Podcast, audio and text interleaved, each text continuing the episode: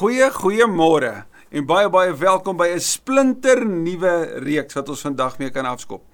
Dalk as jy vir eerste keer by ons en ons wil vir jou welkom sê van waar ook al jy inloer, kom sê bietjie vir ons asseblief van waar af jy kyk en en waar jy hierdie ook mee deel en met wie jy dit deel. Is daar selgroepe wat wat hierin deel? Is daar is daar gesinne wat hierdie saam kyk? Ek weet van huwelike waar die man uh, ver weg werk en hy en sy vrou doen elke week dit saam. Vertel 'n bietjie vir ons, die stories inspireer ons en dit hou ons gefokus. Ons wil vir jou in die besonder sê baie baie welkom. As jy hierdie notas wat hier voor my is wil hê, dan stuur ek dit regtig graag vir jou. Onthou ook asseblief as jy gebed nodig het of versorging nodig het of op watter manier ook al ons vir jou kan kerk wees. Letterlik 'n kerk sonder mure wees. Asseblief, ons wil daarvan weet en ons wil saam stap. Natuurlik as jy wil betrokke raak by ons. Daar's soveel plekke waar jy kan dien. Plekke waar jy toegerus kan word, plekke waar jy kan groei, plekke waar jy kan behoort. En natuurlik is daar ook die plekke waar ons eer aan die Here bring, naamlik ons Sondagoggende waar ons en Sondaande waar ons aktief ook bymekaar kom om te sê maar hoe se inspireer die woord van die Here ons om 'n kerk te gaan wees op ander plekke. So terloops, onthou ons het Glow Live op Sondaande van 7uur af.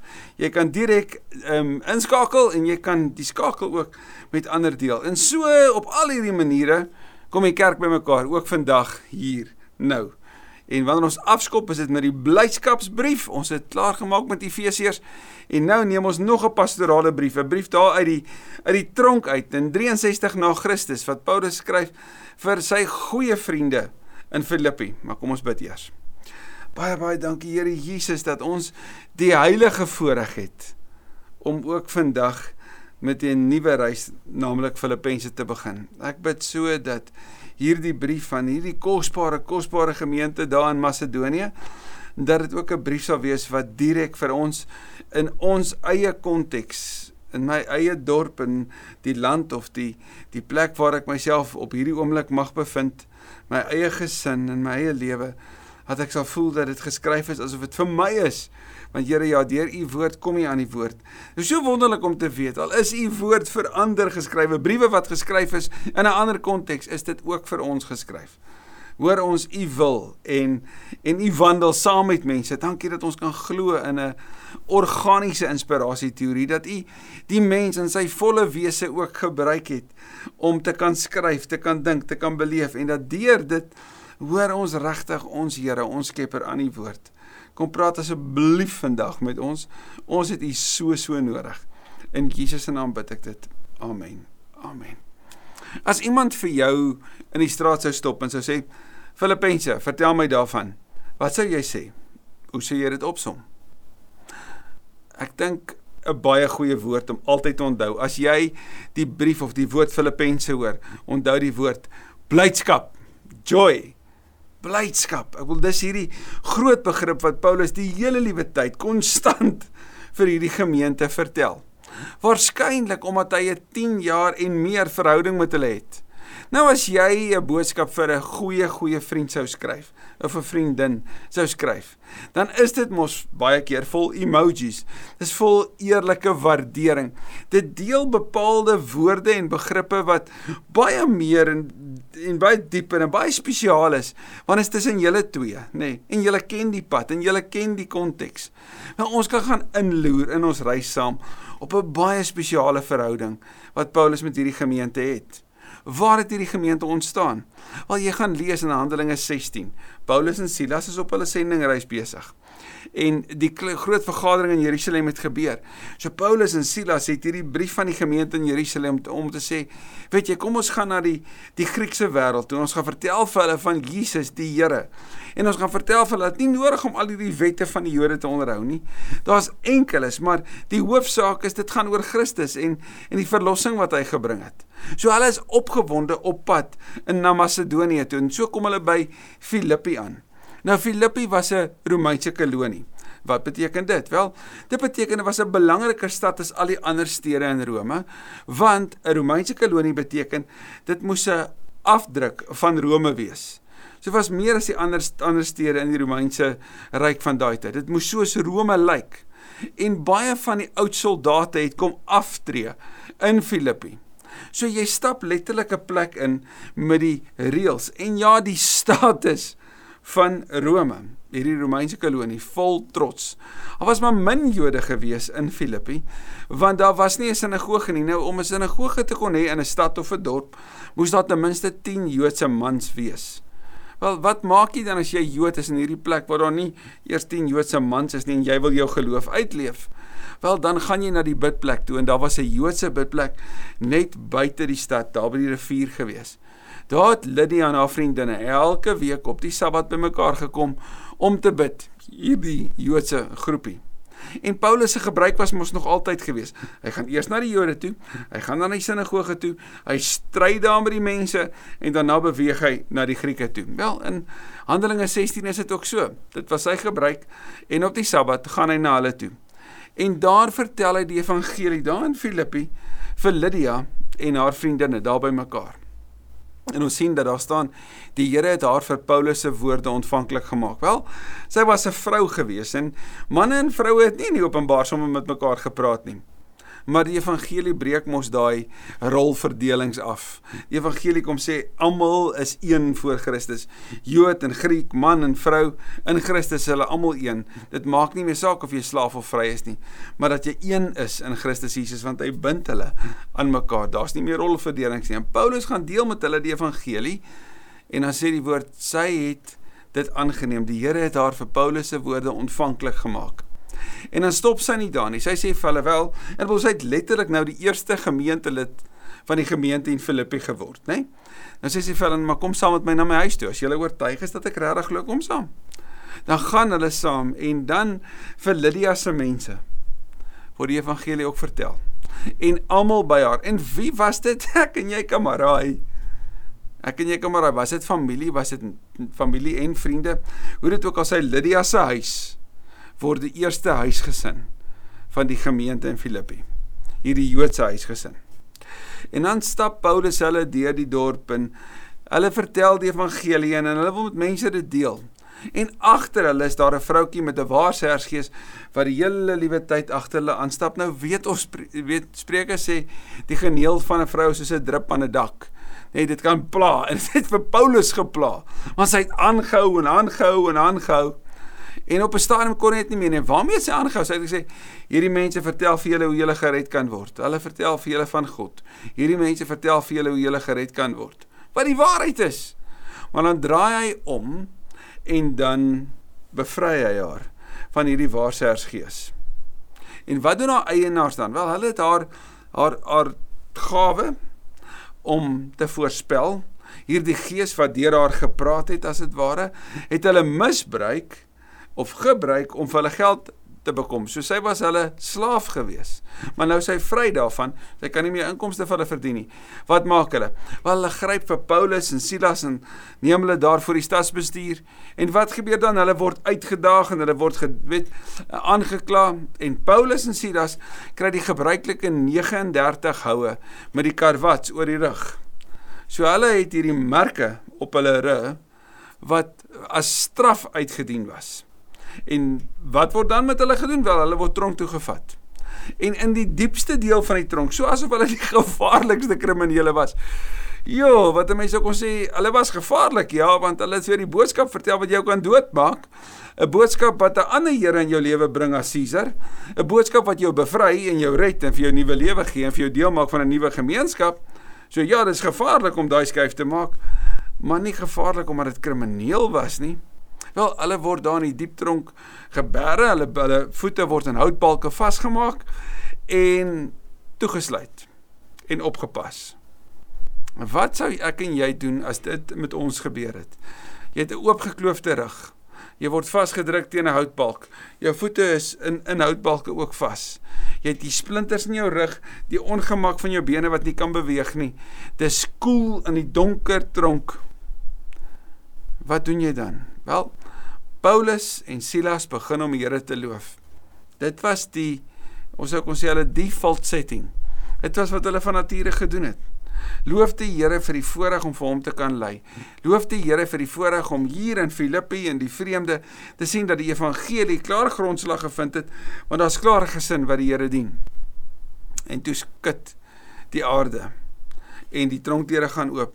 En die bewaarder wil deur sy swaard val want ek bedoel as as al hierdie gevangenes nou ontsnap dan is hy so goed soos dood.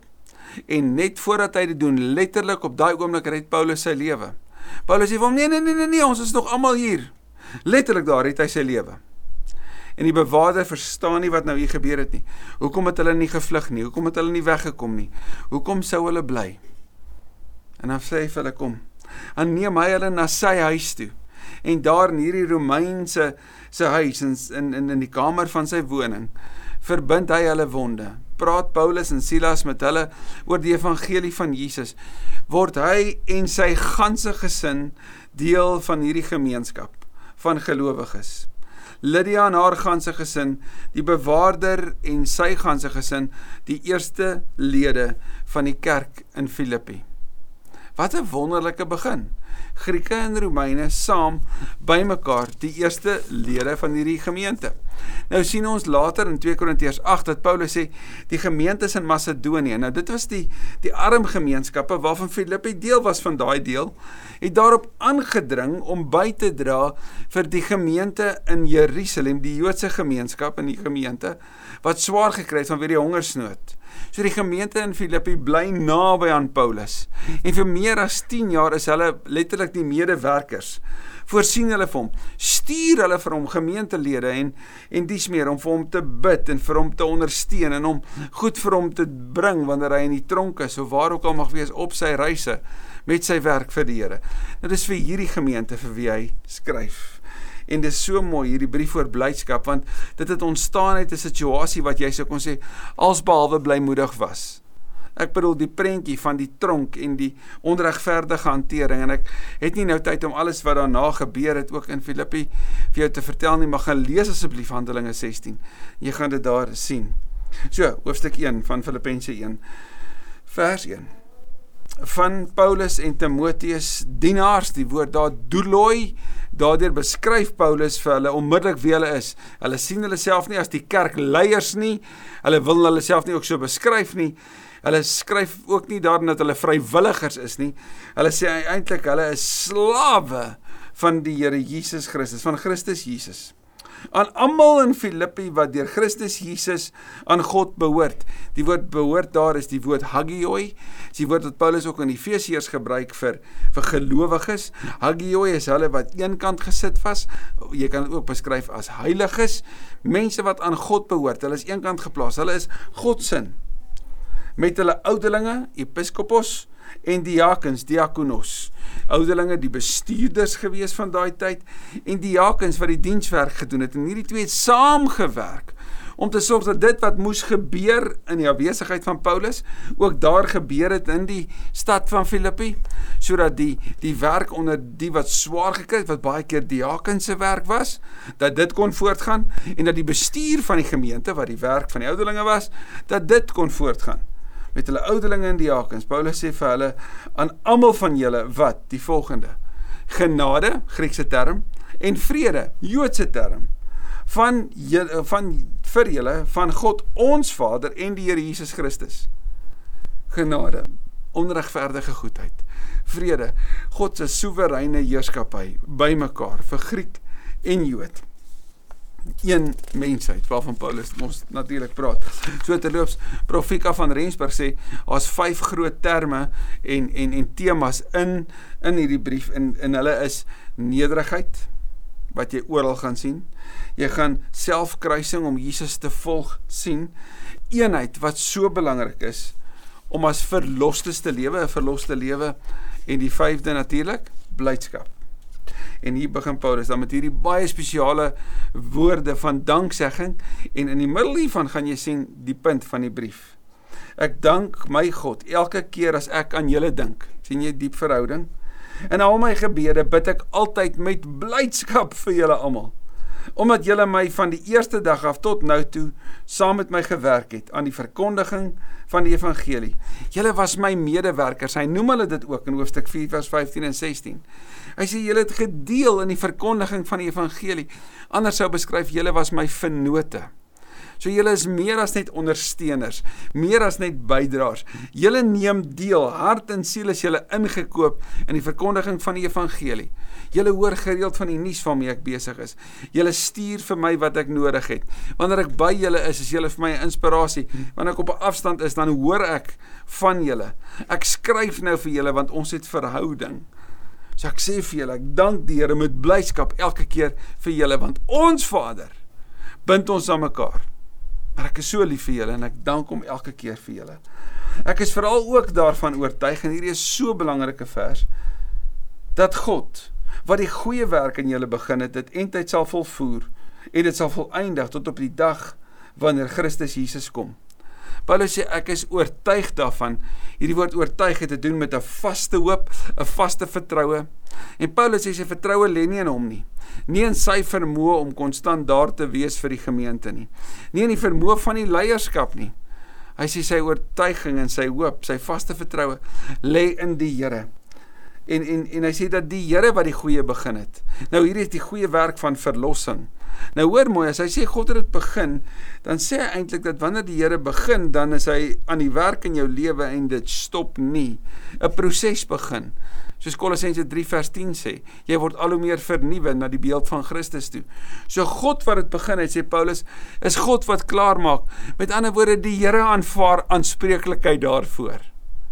Die Here wat aan die begin in jou lewe werk, is die Here wat voortdurend werk, is die Here wat dit sal klaarmaak. En wanneer op die parousia, op die dag van die wederkoms, op die dag van die koms van die Basileia to Theo, die koninkryk van God.